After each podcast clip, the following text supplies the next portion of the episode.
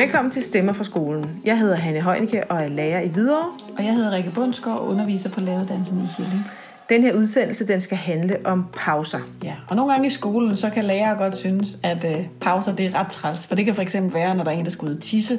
Mm, Ja, eller man bruger det som en belønning. Når du er færdig med din opgave, så må du gå ud og holde pause. Ja, så er du heldig. Ja.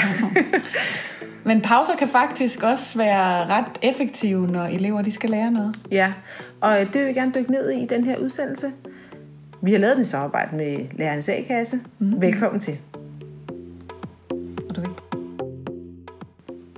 Vi blev inspireret til at lave den her podcast om pauser i skolen, da vi hørte podcasten Hjernen på overarbejde. Den er lavet af to psykologer, Henrik Tinglef og Vibeke Lunding Gregersen. Og øh, vi kontaktede dem og fik en aftale med Henrik Tinglef, fordi hvad var det, vi gerne ville undersøge, Rikke? Ja, man kan sige, at den her podcast, den handlede jo om, hvorfor det er vigtigt at have pauser som voksen på Ja. arbejdet og sådan noget. Ikke at tjekke mails hele tiden. øh, og vi var egentlig interesseret i, hvad med i skolen? Er de der pauser øh, også vigtige der? Ja. Og hvordan er de det? Ja, fordi hvis det, har, hvis det er stor vigtighed for voksne, så må det også være ret vigtigt for børn. Ja.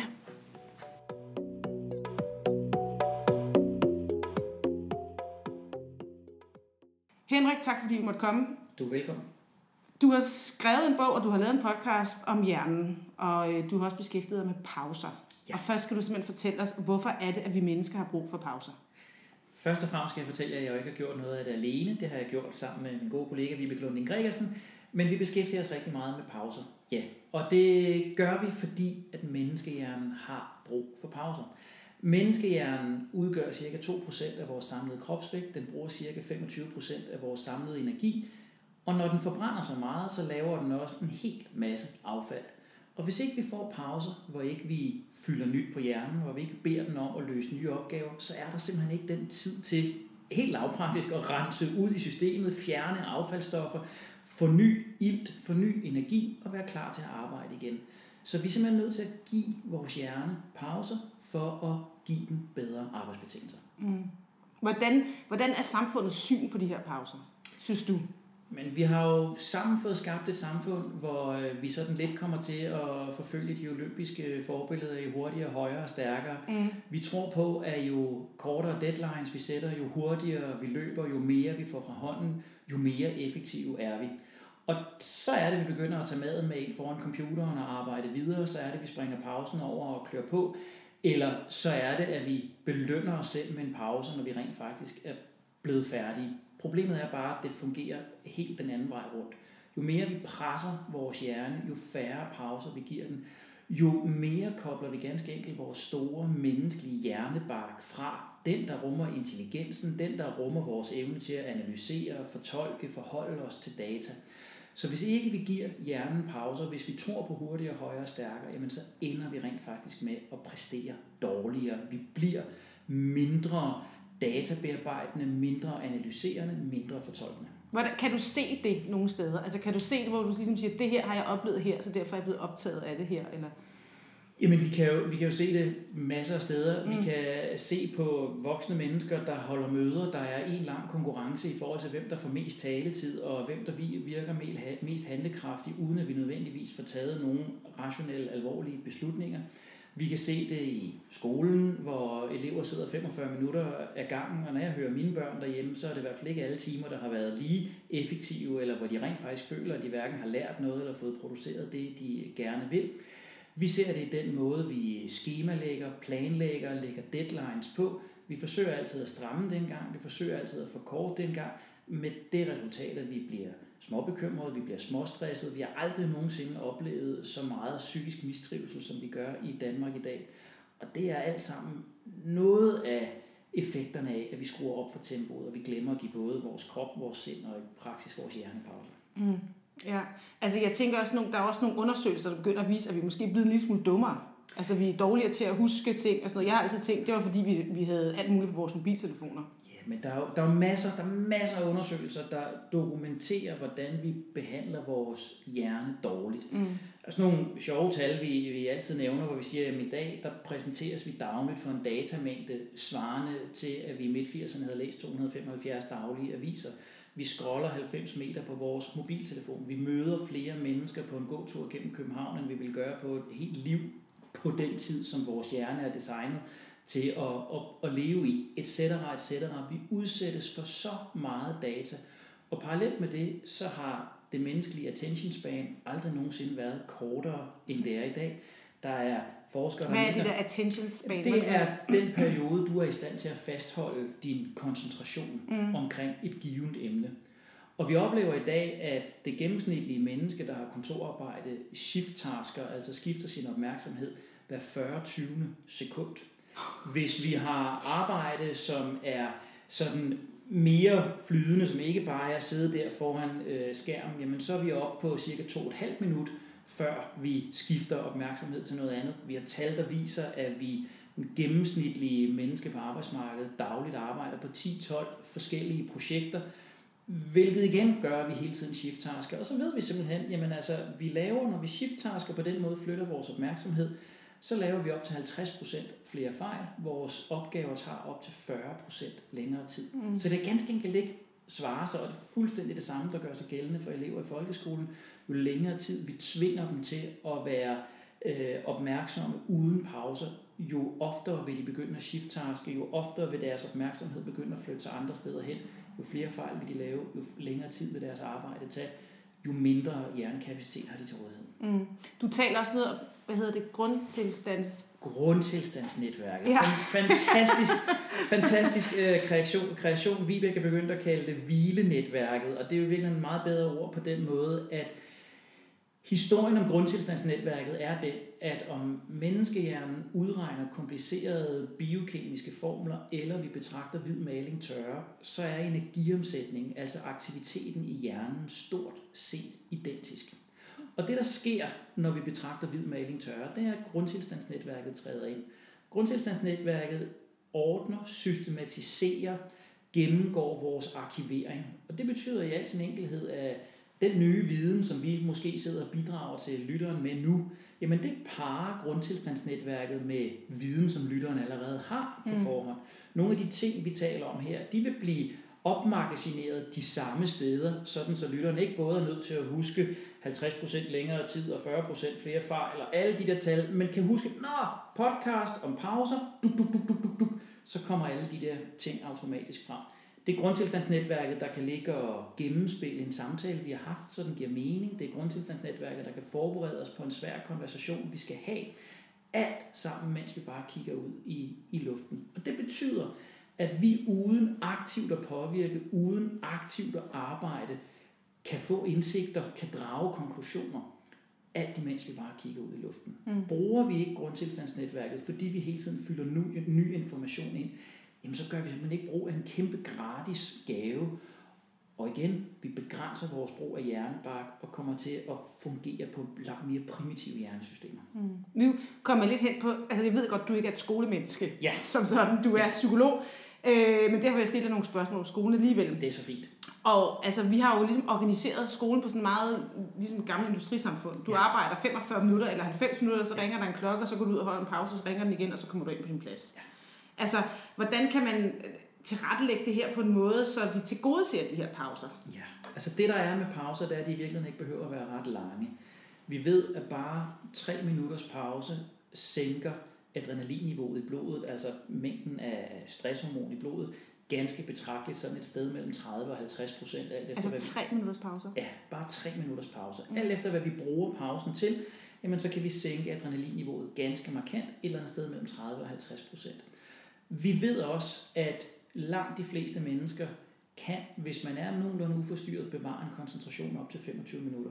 Og det vil sige, en rigtig hensigtsmæssig rytme vil være, at vi arbejder 20-25 minutter fokuseret, koncentreret på én opgave. Så har vi de der 3-5 minutters pause. Mere behøver det ikke at være. Så kan vi sagtens arbejde struktureret, fokuseret, uforstyrret 20-25 minutter igen. Og det kan man gøre sådan cirka i tre rull, at man gentager den. Og så skal vi have en længere pause. Mm. Og det betyder jo i virkeligheden, at vi sagtens kan bruge rammerne fra folkeskolen med 45 minutters lektioner, men det vil nok være rigtig hensigtsmæssigt, hvis vi midtvejs i de her lektioner indlagde bare en 2, 3, 4 minutters pause, så vi lige har muligheden for i bogstavelig forstand at få ny ild til hjernen og kunne være fokuseret de sidste 20 minutter igen. Mm. Jeg, jeg har talt med min jeg har været på arbejde, jeg skulle ind og mødes med dig, og så talte jeg med min kollega, jeg skulle herud. Ja. Og så talte vi om det der med, hvordan vi gav pauser. Ja. For vi giver dem som belønning. Ja. Når du er færdig, må du gå ud og holde en pause. Ja. Og hvis nu vi vendte det om, Mm. så vil vi i virkeligheden gavne både os selv og eleverne og læringen. Der findes masser af studier, der viser, at hvis man for eksempel øh, fodrer en, øh, en gruppe studerende med en masse informationer, sådan et af de klassiske forsøg er, at man fodrer med en masse informationer omkring et bilkøb, hvor langt kører den på literen, hvad koster den at forsikre, og hvad er gensalgsværdien og alt muligt andet. Fodrer alle de her informationer på dem, og så beder man gruppen om at træffe valget om, hvad er den mest økonomiske bil. Hvis man tager den ene del af gruppen og giver dem en 5 minutters pause, inden de skal træffe deres valg, i modsætning til dem, som altså straks efter at have fået informationerne skal træffe valget, så træffer de, der har fået de 5 minutters pause, de træffer det objektivt set mere korrekte valg i langt større del af tilfældene. Mm. Så hvis vi nu, i stedet for at sige, kære elever, nu har I fået noget information, nu skal I løse nogle opgaver og regne nogle stykker, og når jeg har gjort det, så er der frikvarter. Hvis nu vi venter den om, Mm. nu skal I til at have en masse information, så nu skal vi lige sørge for, at vi er friske i hovederne. 3 minutters pause, træk vejret dybt, rejs jer lige op og rør jer lidt, sid ned og lyt i 20 minutter. Nu kommer der nogle opgaver, I hver især skal løse. I tager lige 3 minutters pause, så jeres hjerne er klar, og så kan vi arbejde struktureret med opgaverne mm. i 20 minutter igen. Mm. Så vi gør hjernen klar til at løse opgaver, i stedet for at vi bruger pausen som exhaustion efter, ja. at vi har løst opgaven. Ja, fordi vi taler også om det der med, at vi gør os det der med, at vi, du må ikke give op. Ja. Du må endelig ikke give op. vi Arbejde, skal give arbejde, op. arbejde. Ja. Vi skal give op. Altså vi plejer at, at sige, at hvis du har forsøgt to-tre gange at skrive en tekst, og det er bare ikke løs. Hvis Mm. vi har siddet og læst noget, og det giver saftsus med ikke nogen mening. Mm. Hvis vi sådan to-tre gange af tre-fem minutter har forsøgt, så skal vi give op. Kom op, kom ud, kom væk. Og så er vi jo tilbage til, så lad grundtilstandsnetværket gøre arbejdet. Ja. Og vi kan jo bare se på os selv som voksne, hvor er det, vi har fået vores bedste idéer? Hvor er det, vi har fået vores største indsigter? Har vi fået det kl. 21.30 med Lenovoen åben hjemme ved spisbordet? Nej. Dem Aldrig. har, nej, præcis. Dem har vi fået, når vi har været i bad. Dem har vi fået, når vi har børstet tænder. Dem har vi fået, når vi har gået og nippet pelargonier eller klippet hæk. Mm. Når vi laver monotont, manuelt arbejde, så arbejder grundtilstandsnetværket, og så kommer indsigterne. Og det vil det også gøre for ungerne. Kan vi lave en struktur, hvor det rent faktisk er tilladt, at nu rejser mig op og går ud og kigger på træerne, der blæser, så er der en ret stor sandsynlighed for, at grundtilstandsnetværket gør en del af arbejdet for os. Mm. Ja. Så giv op. Tag en pause. Kom op, kom Ja. ud, kom væk. Og det er jo virkelig også en meget god strategi at lære sine elever. Fordi det der med at, at fortælle dem, frygt ikke. Du skal ikke være helt fortvivlet, det skal nok komme. Det skal nok komme. Ja, din hjerne er begyndt at optage. Det skal bare have noget tid. Ja. Og jo mere vi siger, hold nu fast, bliv nu Ja, ved, ja. nu skal du klare, jo mere aktiverer vi de der sådan primitive drifter i mennesket, hurtigere, højere og stærkere, jo mere aktiverer vi den primitive del af hjernen, og jo mere hjernebark kobler vi fra. Og det er altså hjernebarken, vi skal bruge til at drage analytiske konklusioner. Ja. Nu skal vi lidt ind og tale om, hvad er en god pause egentlig? Ja. Altså, fordi i skolen, der taler man meget om, om frikvartererne, men jeg synes, vi skal koncentrere os lidt omkring, hvordan laver man lige den der gode pause? Ja. Altså, hvad kan den indeholde? Hvad, hvad er en god pause for hjernen? En god pause indeholder så lidt som muligt. Fordi det er jo det, det hele handler om. Det handler jo om, som vi sagde før, 90 meter på smartphone og 275 viser, alt det der, vi bliver overstimuleret i dag. Mm. Så den gode pause skal give hjernen ro, skal give grundtilstandsnetværket mulighed for at slå til. Og det vil sige, hvis pausen består af, at vi finder mobiltelefonen frem og sidder og swiper op og ned gennem sociale medier, så har vi ikke nogen pauser, så får vi bare yderligere stimulation, vi får yderligere information, vores hjernebark får ikke mulighed for at restituere. Hvis vores pause går på, jamen, så kan jeg lige nå at læse lidt forud i det, der kommer, eller så kan jeg lige lynhurtigt nå at få overblik over det, jeg skal i eftermiddag, så er det heller ikke en pause. En pause indeholder så lidt som muligt. Allerhelst stiger den tomt ud i luften. Mm. Endnu bedre træk vejret dybt. Det er også med til at koble hjernebarken til at berolige de primitive systemer i hjernen. Et uforpligtende samvær med andre mennesker. Hvis vi kan danne en lille smule oxytocin i stedet for al den adrenalin, der er i Og blodet, når vi oxytocin, ja. Oxytocin er relationshormonet. Nogen vil kalde det lykkehormonet. Men jo mere vi to indgår i en meningsfuld samtale, en samtale med øjenkontakt, en, en samtale, hvor vi begynder at spejle hinanden, når jeg smiler, så kommer der også et smil i dit ansigt, og når du ser lidt bekymret ud, så kan jeg også mærke det, jamen så vil der dannes relationshormonet oxytocin, som vil være med i sig selv til at sænke adrenalinniveauet i kroppen. Så gode pauser med mindst mulig aktivitet, mest mulig, skal vi kalde det, brugbart samvær, kvalitativt samvær med andre mennesker, væk med alt, hvad der hedder telefoner, gadgets, skærme, det har den stik modsatrettede effekt. Ja, fordi det er jo, altså, øh, jeg ser det jo i skolen hver dag. Ja. Elever, der til sekund, de får tid til det, så Ja. snupper de deres telefon, ja. eller tager deres, øh, åbner deres øh, computer eller sådan noget. Og man bilder sig ind, at nu, åh, jeg sidder lige her og slapper af med bare lige at swipe igennem de seneste billeder eller de seneste notifikationer. Og det kan godt opleves sådan, men det der i praksis sker, det er, at vi hele tiden sidder og fodrer vores motivationssystem. Ej, noget spændende nyt, nej, noget spændende nyt. Og det giver et lille skud dopamin, og det føles rart. Det er bare den forkerte, rare fornemmelse. Det er også fedt at vinde en fodboldkamp. Det er også fedt at sætte en ny personlig rekord på løbebanen. Det er også fedt at færdiggøre et projekt. Og alt det der dopaminaktivitet kan være fint til at præstere på. Men hvis målet er pause, skal vi ikke have det der rush, sus, kick. Hvis målet er pause, skal vi have oxytocinen, vi skal have det kvalitative nærvær, samvær, vi skal have roen. Og det får vi altså ikke, når vi hele tiden sidder og får Mm. nyheder smidt i hovedet. Ja, vi arbejder faktisk på min skole, at vi skal hen mod en mobilfri skole. Det vil være det eneste fornuftige. Ja, Som jeg plejer at sige, hvem møder op med sine 250 nærmeste venner øh, nede i skolegården hver morgen? Det vil se lidt mærkeligt ud, men ikke desto mindre er det det, alle ungerne gør. De har dem alle sammen med i lommen, Ja. og de har kontakt med dem hele dagen. Igen, det kræver opmærksomhed, det kræver fokus, det kræver beskæftigelse, det kræver hjernebark, som vi egentlig skal bruge til noget andet. Mm.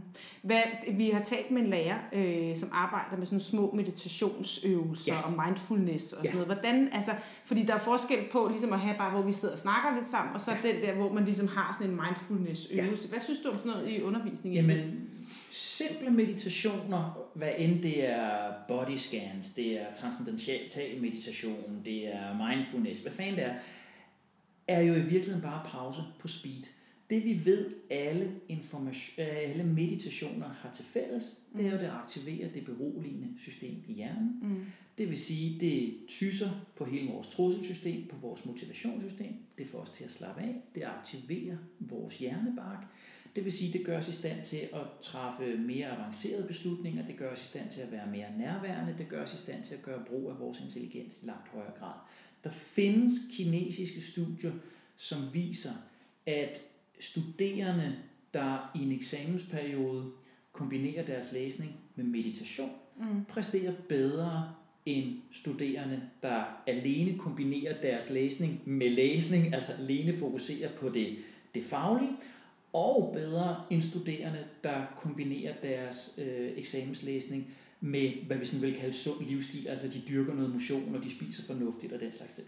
Der vil 20 minutters daglig meditation, det vil kunne forudsige bedre eksamensresultater. Så vi kan helt på skoleindlæring kan vi simpelthen se effekt af, af meditation. Så super god idé, og som jeg siger, pause på speed, det er alt det gode af pausen, kondenseret og dyrket. Ja, okay. Henrik, tak fordi jeg måtte komme forbi. Du er velkommen.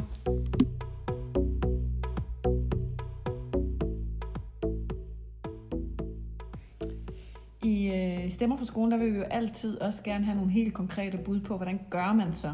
Ja. Og i den her sammenhæng er det jo, hvordan laver man så den gode pause? Mm. Og du øh, nævnte jo, da du talte med, med Henrik, Hanne, at, at vi har også talt med en lærer. Eller Ja. du har også talt med en lærer. Mm. Så vi blev faktisk kontaktet af hende. Ja, det var det lidt rigtigt. sjovt. Hun øh, havde hørt vores podcast, og hun, jeg gider godt at lave noget sammen med jer. Hun synes også, at det her pause er vigtigt, hun ja. har helt konkrete bud på, hvordan man via mindfulness og yoga kan arbejde med pauser. Mm. Hun hedder Sofie Jule Christensen, hun er lærer på Ørested Skole I København. København. Ja.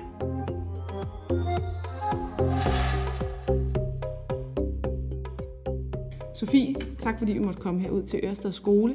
Først vil jeg bare lige have dig til at præsentere dig. Hvem er du? Hvad er din øh, historie som underviser? Jamen, øh, jeg har været færdiguddannet lærer i de sidste 11 år. Øh, men jeg startede egentlig øh, min lærergærning på en Steinerskole for 19 år siden, da jeg var gravid med min søn Peter. Øh, og der lærte jeg faktisk øh, rigtig meget af at være, fordi de har sådan en lidt anderledes tilgang til undervisning. Ikke at jeg brænder for at være på en Steinerskole, men der var nogle af tingene, som jeg kan mærke, at det er noget, jeg faktisk har taget videre øh, ind i min lærergærning. Og så har jeg været lidt øh, forskellige steder øh, på grund af flytning og familieliv. Øhm, og så var det jo sådan, at da folkeskolereformen kom, så havde jeg det lidt ligesom rigtig mange andre lærere, at øh, jeg synes ikke, at det var optimalt for mig og min undervisning at skulle blive fastlåst i den grad, som vi blev på det tidspunkt. Så jeg valgte at tage øh, et skift og arbejde på et fritidshjem øh, og blive øh, pædagog på et fritidshjem. Og det var faktisk meget lærerigt for mig. Øhm, og det var imens, at jeg havde det skift. Jeg tror, det var sådan lige inden, at... Øhm, lige inden at jeg startede på fritidshjemmet der, der øh, begyndte jeg selv at, øh, at tage nogle yogatimer, fordi jeg var fitnessinstruktør. Jeg har undervist rigtig mange timer i alle mulige forskellige idrætter igennem mange år. Øh, og så var det bare ligesom, at jeg fik et andet flow, sådan en, en indre ro og, og fylde øh, efter de her yogatimer, som jeg ikke oplevede ved nogle af de andre idrætsgrene. Jeg har ellers haft rigtig stort flow, når jeg har været ude at løbe lange ture, sådan virkelig runners high. Men det var bare anderledes, fordi jeg var ikke på samme måde... Øh, jeg havde ikke pulsen op på samme måde, men følte ligesom, at jeg, jeg, jeg fandt den her, især den her ro, og det virkede meget afbalancerende for mig. Og så øh, besluttede jeg faktisk, at jeg ville tage en yogalæreruddannelse, fordi at jeg gerne ville, øh, jeg ville gerne finde ud af, hvad var det her for noget. Øh, og det har været sådan meget karakteristisk for mig, at når jeg har været interesseret i noget, så har jeg fundet ud af, hvor kan jeg tage en uddannelse eller et kursus i det her. Og så har jeg dygtiggjort mig inden for det, og på en eller anden mærkelig måde er det altid endt ud med, at jeg har brugt det til selv at undervise. Jeg tror, at det her med at være lærer, det er lige så meget en, en del af min personlighed, som det er mit arbejde. Og det er jo det, der er det virkelig fede ved at være lærer. Det, ja. Altså det der med, at man kan lave det, man virkelig brænder for. Ja. Altså og det, man synes, der er sindssygt interessant, at få andre fanget i det, det er en kæmpe gave. Ja, og det, det kan jeg simpelthen ikke lade være med. Så hvis jeg, bliver, hvis jeg lige pludselig lærer et eller andet med noget madlavning, så når jeg er sammen med mine venner, så kan jeg ikke lade være med at komme i underviserrollen. Og det sker igen og igen. Så det skete også, selvom det slet ikke var meningen. Det var egentlig bare for min egen inspiration at så begyndte jeg lige pludselig at undervise, i stedet for at undervise i de her stram ophold i Fitness World, så begyndte jeg selvfølgelig at undervise i yoga, og det blev mere og mere spændende, og så tænkte jeg, hmm, nu har jeg i mange år været så interesseret i det her med bevægelse i undervisning. Må ikke man kunne gøre det her med børn? Mm. Og så tænkte jeg sådan, så begyndte jeg lidt med noget med balance. Det havde jeg allerede været ret interesseret i, det her med det sanseintegrative, og hvad sker der, når vi skaber balance i kroppen, og børnene havde stået på et ben i mine timer og sådan nogle ting. Men så lige pludselig så fandt jeg ud af, at der var faktisk børneyoga. Og så tænkte jeg, jeg starter da også lige den her uddannelse. Så tog jeg den her børneyoga-uddannelse og havde faktisk rigtig god mulighed for at bruge det på det fritidshjem, som jeg jo var begyndt at arbejde på. Men øh, det var jo sådan, da reformen kom, at man skulle være over i skolen når man var pædagog. Så de fandt jo hurtigt ud af, at jeg var rigtig god at bruge som pædagog over i skolen. Mm. Så jeg blev jo skolepædagog. Ja, og så kunne du lige så godt Og så der. var det sådan, at skolen fandt ud af, at jeg var rigtig god til at have med de her børn at gøre, og så kunne jeg jo lige så godt blive skolelærer på den skole. Så det blev sådan en glidende tilbagetrækning igen til lærerværet. Så jeg kunne ikke rigtig komme udenom det her med at være lærer. Og det var faktisk rigtig fedt for mig, og det ved jeg godt, at det kan jeg jo godt få lidt på nakken for at sige, men det var faktisk ret fedt for mig at prøve at være øh, fritidshjemspædagog eller KKFO-pædagog øh, som en undercover-lærer. Fordi da jeg var på fritidshjemmet, der syntes de, at jeg underviste for meget, og da jeg kom over i folkeskolen, så synes de, at jeg var jo bare en pædagog. Hmm. Og det var sådan den der tradition øh, mellem lærer og pædagog, der hmm. fik jeg bare et andet syn for sagen ved at prøve at være undercover lærer som pædagog. Og det, det er også noget, der har inspireret mig videre i forhold til skolerum, at jeg har sådan rigtig meget opmærksomhed på, på samarbejdet mellem lærer og pædagoger. hvor kan vi hente styrkerne fra hinandens øh, fag, og faktisk øh, supplere hinanden. Mm. Så det vil jeg gerne lige slå et slag for. Det synes jeg er rigtig, rigtig det var vigtigt. En anden, det var en anden podcast, ja. vi laver der. Men øh, i hvert fald så blev det sådan, at jeg kom tilbage i skolen, og så begyndte jeg at udvikle skolerum. Og skolerum er jo egentlig et ønske om, at der skal være rum til den enkelte, og der skal være rum til fællesskabet. Øh, og det skal der både være for lærere og pædagoger og for elever. Fordi jeg mener jo, at hvis vi trives som voksne, så vil børnene også trives. Og det var noget af det, som jeg synes, der var rigtig ærgerligt ved skolereformen, og som faktisk gjorde, at jeg trak mig ud af folkeskolen. Det var, at jeg så, at noget af det pres, der blev lagt på lærerne, det faktisk øh, forplanter sig videre ned igennem systemet, Fordi hvis du kommer ind som rigtig stresset lærer, så vil du faktisk øh, katalysere den stress videre i din undervisning. Mm. Så det var mit ønske at skabe øh, et, et hjælperedskab i forhold til klasseledelse, og i forhold til at lave nogle breaks, både for de voksne i klasserummet, men også for eleverne. Så jeg mener, at det går begge veje. Og jeg tænker også mange af de øvelser, som øh, vi kommer til at tale om senere, at det er også nogen, som lærerne kan have godt af. Mm. Selvom børnene laver dem, så er det faktisk også rigtig givetigt for lærerne ja. at lave det. Ja, fordi den her øh, udsendelse, den handler jo om pauser og pauseundervisningen. Ja. Men øh, pauserne er jo også for de voksne. Ja, netop. og det er jo det, så nogle gange, øh, så vil jeg sige, nogle af de bedste pausebreaks, jeg har fundet på, det har faktisk været en del af mit eget behov også. Mm. Øh, fordi jeg har haft en lang periode med meget stærke smerter. Jeg er faktisk kronisk smertepatient. Og noget af det, som jeg skulle lave igennem min dag af øvelser, for at kunne være til stede på arbejde, det har jeg integreret i undervisningen, for der er ikke noget dårligt ved, at børnene de får lavet nakke-skulderøvelser. Mm. Og så kunne jeg samtidig lave dem med børnene. Ja. Øh, så meget af det, altså, man kan ikke rigtig skille tingene ad. Det er igen det her med at være lærer fra hjertet, hvor man kan bare ikke lade være med at tage ja, tingene med. Og nu ringer klokken, så ja. er det at være på en skole. Ja industriskolen, der er delt ja. op i moduler på ja. 90 minutter, 20 minutter, 90 minutter, lige 20 præcis. minutters pause. Ja. Jeg skal lige høre, hvordan bruger du altså yoga, og du bruger også meditation nemlig, ja, jeg i bruger, din undervisning? Ja. Altså, jeg starter altid, når jeg får mit nye skoleskema, øh, fordi det får vi jo også. Vi er jo også ret fastlåst som lærer. Så jeg starter altid med, når jeg finder ud af, hvordan skal jeg undervise eleverne, og se på, hvornår er det, jeg har erfaring med, at børnene har brug for noget. Mm. Øh, så det er både meget fast og meget frit. Mm. Forstået på den måde, at øh, meditationsdelen er naturlig for mig at integrere som en start på dagen, eller en udfasning til det næste, du skal gøre. Men nogle øh, meditative øvelser vil virke revitaliserende, altså opkvikkende, og nogle vil virke mere groundende. Så hvis du sidder en eftermiddag og skal sidde og meditere, så kan du godt nok risikere at blive meget udfordret af træthed. Så derfor vil jeg typisk lægge meditationerne tidligt på dagen, sådan mine elever de har haft en periode, hvor vi har trænet det. Min basisklasse, eller tidligere hed det jo klasselærer, øhm, de har trænet det i en periode, og når jeg så for eksempel går ned til en fællessamling, hvor der er rigtig meget uro, så siger jeg, Satanama. Husk Satanama. Hold stillheden. Gå mod stillheden. Satanama. Så har de lært en meditation, hvor de sidder med fingrene og siger Satanama, Satanama. Kører pegefinger, langfinger, ja, pegefinger, langefinger, ringefinger, lillefinger. Pegefinger, langefinger. Ja. Og det vil sige, så har de faktisk noget finmotorik, samtidig med, at de gentager mm. nogle lyde. Der er ikke noget forbundet med de lyde, andet end det er nogle lyde. Mm. Det kunne også være, jeg gør altid mit bedste.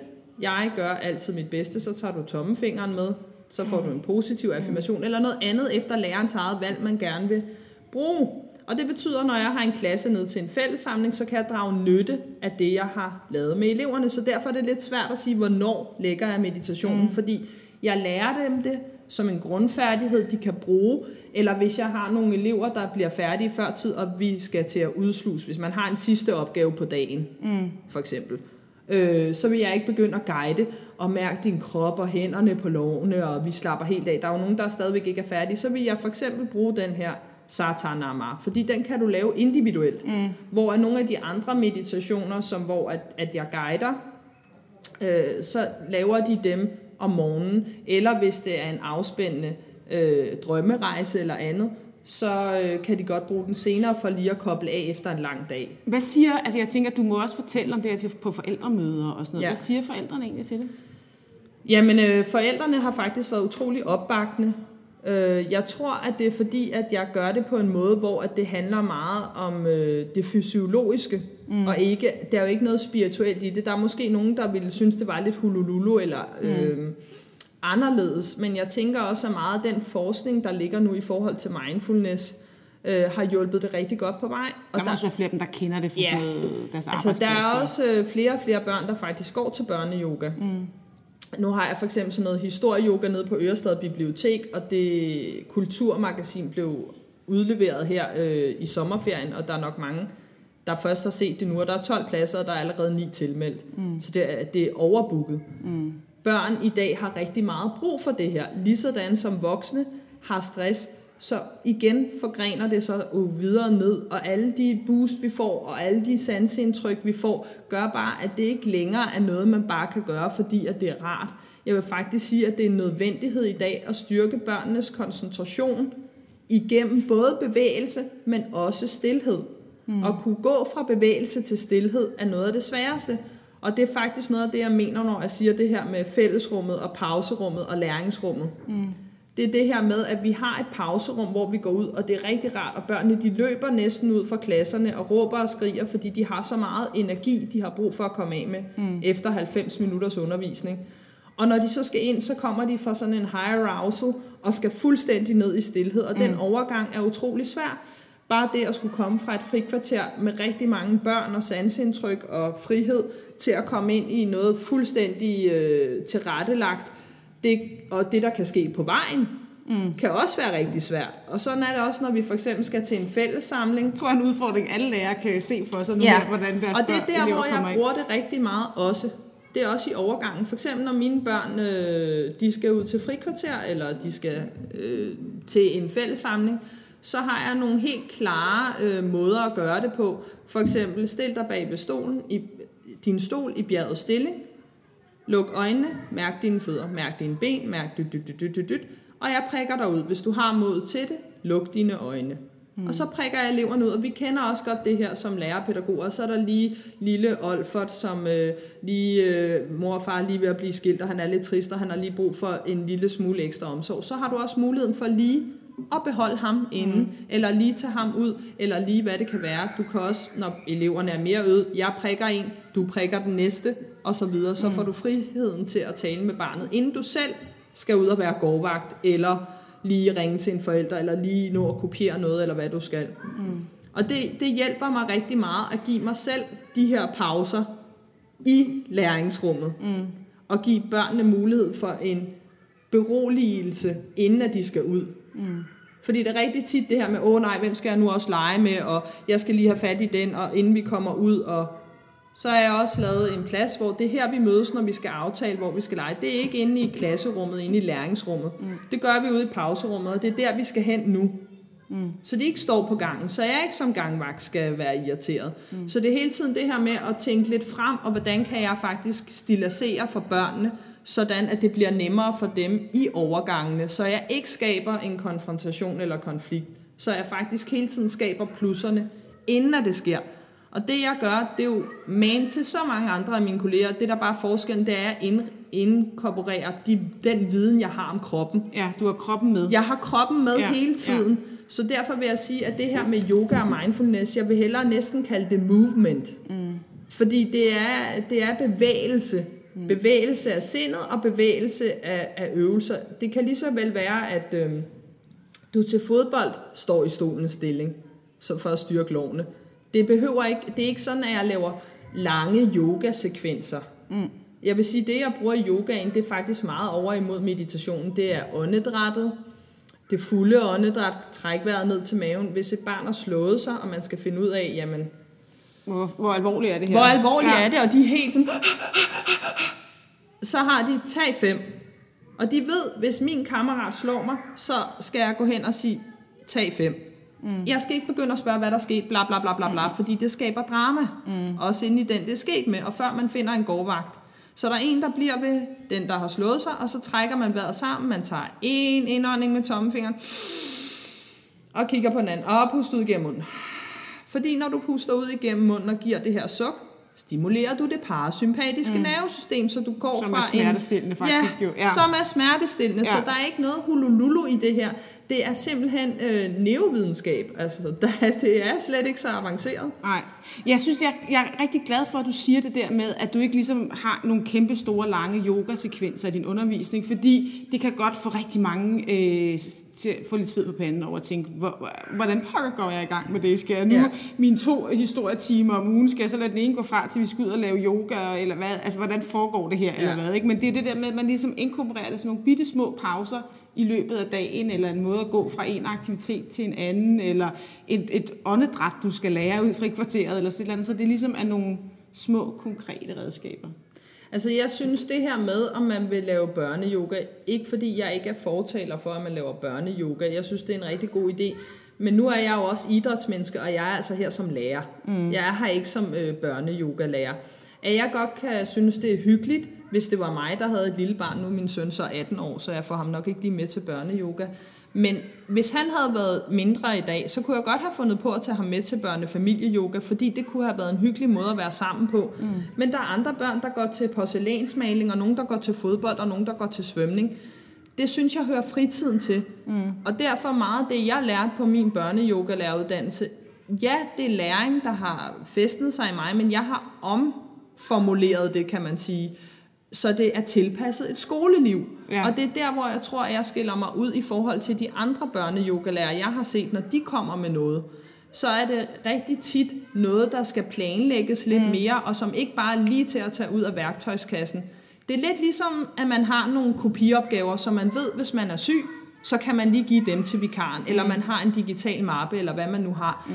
Det er sådan en, et, et sortiment af backup øh, quick-ups, eller nu er der en konflikt, hvordan kan vi lave en hurtig gruppeøvelse? Og det er fordi, at jeg ud over mine yogauddannelser, som nu er blevet til tre yogauddannelser og mindfulness, også har en coach-vejlederuddannelse fra Disbook. Så jeg tænker jo hele tiden det systemiske narrativ ind i det, og også har været lærer i en del år, og ved, hvor er det, jeg bliver udfordret, hvor er det, eleverne bliver udfordret, hvor er det, jeg ser udfordringerne. Og det er jo hele tiden min inspiration til nye måder at gribe det an på.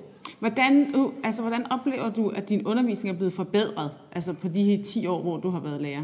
Jeg Eller oplever, at det er blevet forbedret samtidig med, at vilkårene er blevet udfordret. Så på den måde synes jeg faktisk, at øh, jeg vil sige, da jeg startede med at være lærer, der var udfordringerne ikke lige så store, fordi mit stressniveau var ikke lige så højt. Mm. Det er nummer et. Så man kan sige, det er lidt ligesom... Øh, Hvordan oplever du, at din, at din løbetur gik, før du fik astma, og efter du fik astma? Jamen, jeg løber stadigvæk 5 km, men nu har jeg bare astma. Ja. Det er lidt det samme. Øh, fordi men jeg... udfordringerne er vokset, men samtidig synes jeg også, at min undervisning er blevet bedre. Mm. Men jeg tror, hvis jeg havde gjort det her for 10 år siden, så havde jeg kunne se et endnu større, altså en endnu større effekt af det. Mm. Det er jo også nogle andre børn, det var vi lige lidt inde på, da vi havde sådan vores øh, lille, vi skal lige finde ind til hinanden snak, inden ja. vi startede interviewet. Det der med, at vi har begge to oplevet det, at børnene har ændret sig markant på de sidste 10 ja. år faktisk. Ikke? Der er ting, de ikke kan mere. De kan ikke klippe og hamre og save Nej. og tegne så godt, som de kunne for 10 år siden. Og du talte noget om noget øjenkontakt for eksempel, også som du synes, ja. du skal træne dem i. Altså jeg synes rigtig meget, at det er gået ud over... Øh jeg synes rigtig meget, det er gået ud over samarbejdet børnene imellem, mm. fordi alt samarbejdet går igennem medier. Mm. Og jeg synes, det er gået rigtig meget ud over det, som du også var inde på, det finmotoriske. Mm. Og der er for eksempel den øvelse med Satanama jo rigtig god, eller andre fingerøvelser. Mm. Fordi det der med at koordinere, eller krydsbevægelsesøvelser, som jeg har lavet også, hvor at man står ligesom Simon siger, så laver jeg nu selvfølgelig om til Sofie siger, det er jo mm. klart, fordi det er så tæt på, ikke? Men det er lidt sådan nogle øvelser, eller lege, eller udfordringer, øh, som, som jeg synes er vokset mm. for børnene. Altså det er simpelthen bare blevet sværere for dem. Mm. Og der er jo heller ikke særlig meget skriveundervisning. Altså jeg kan da huske, jeg startede faktisk på seminaret, før jeg startede på det anden gang, for jeg startede, mens jeg var gravid, eller lige før jeg blev gravid med min søn. Og der gik jeg på Ribe-seminaret, og dengang skulle jeg faktisk til en skriveeksamen. Oh, yeah. Og det er jo bare sådan, det er jo fuldstændig outdated. Det er jo slet ikke noget, man sådan lægger lige så meget vægt på, hverken på læreruddannelsen eller i skolen. Men nu er jeg faktisk indført i mine månedsopgaver at have skriveøvelser af den årsag, at børnene er så dårlige finmotorisk, så jeg kan se i håndværk designundervisning, at de kan ikke klippe stoffet ud, og de kan, ikke, de kan ikke øh, tegne en figur bare lige, og det er sådan nogle helt basis ting. Øh, simpelthen været nede og begyndt med hammerperler Mm. Og perlearbejde, altså det er helt utroligt, men, men jeg kan bare se, og det ved man jo igen neofysiologisk, det her med, at når du kan noget finmotorik, og du begynder at bruge finmotorikken, så kobler du til nogle centre i hjernen, som gør, at du også øger din koncentrationsevne. Mm.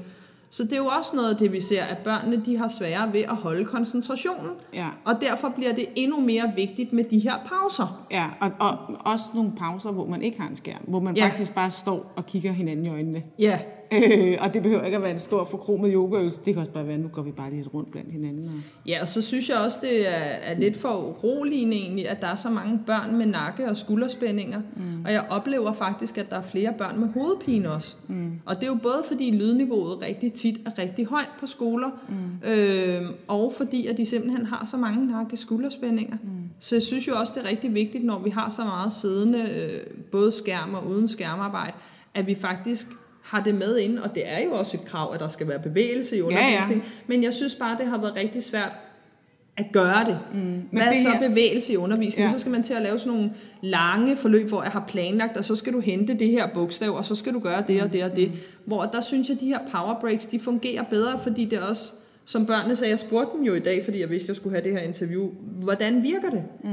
Og der svarede de sådan, jamen jeg vågner op, det er mindre kedeligt, hvis man bliver ved uden pause, så taber man koncentrationen. Det er rart efter, at vi har siddet stille.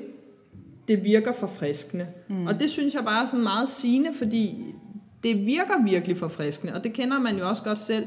Der er jo masser af kontor, jeg tror, hvis man filmede det, uden at jeg har gjort det, så vil man også se, at voksne heller ikke sidder øh, fuldstændig stille på deres kontorstol. De rejser sig også lige og tager en kop mm. kaffe, eller går ud og tisser en ekstra gang, eller mm. lige ringer en op, eller gør noget andet. Og det er jo også det, man oplever i skolen. Der er de elever, der altid skal på toilettet tre gange i løbet ja. af en time. Og måske det ikke... Øh, det handler fordi... slet ikke om toilettet. Nej, nej, det handler om at få en pause. Og ja. måske skal man ligesom kigge lidt indad som lærer og sige, hov, har jeg for få pauser?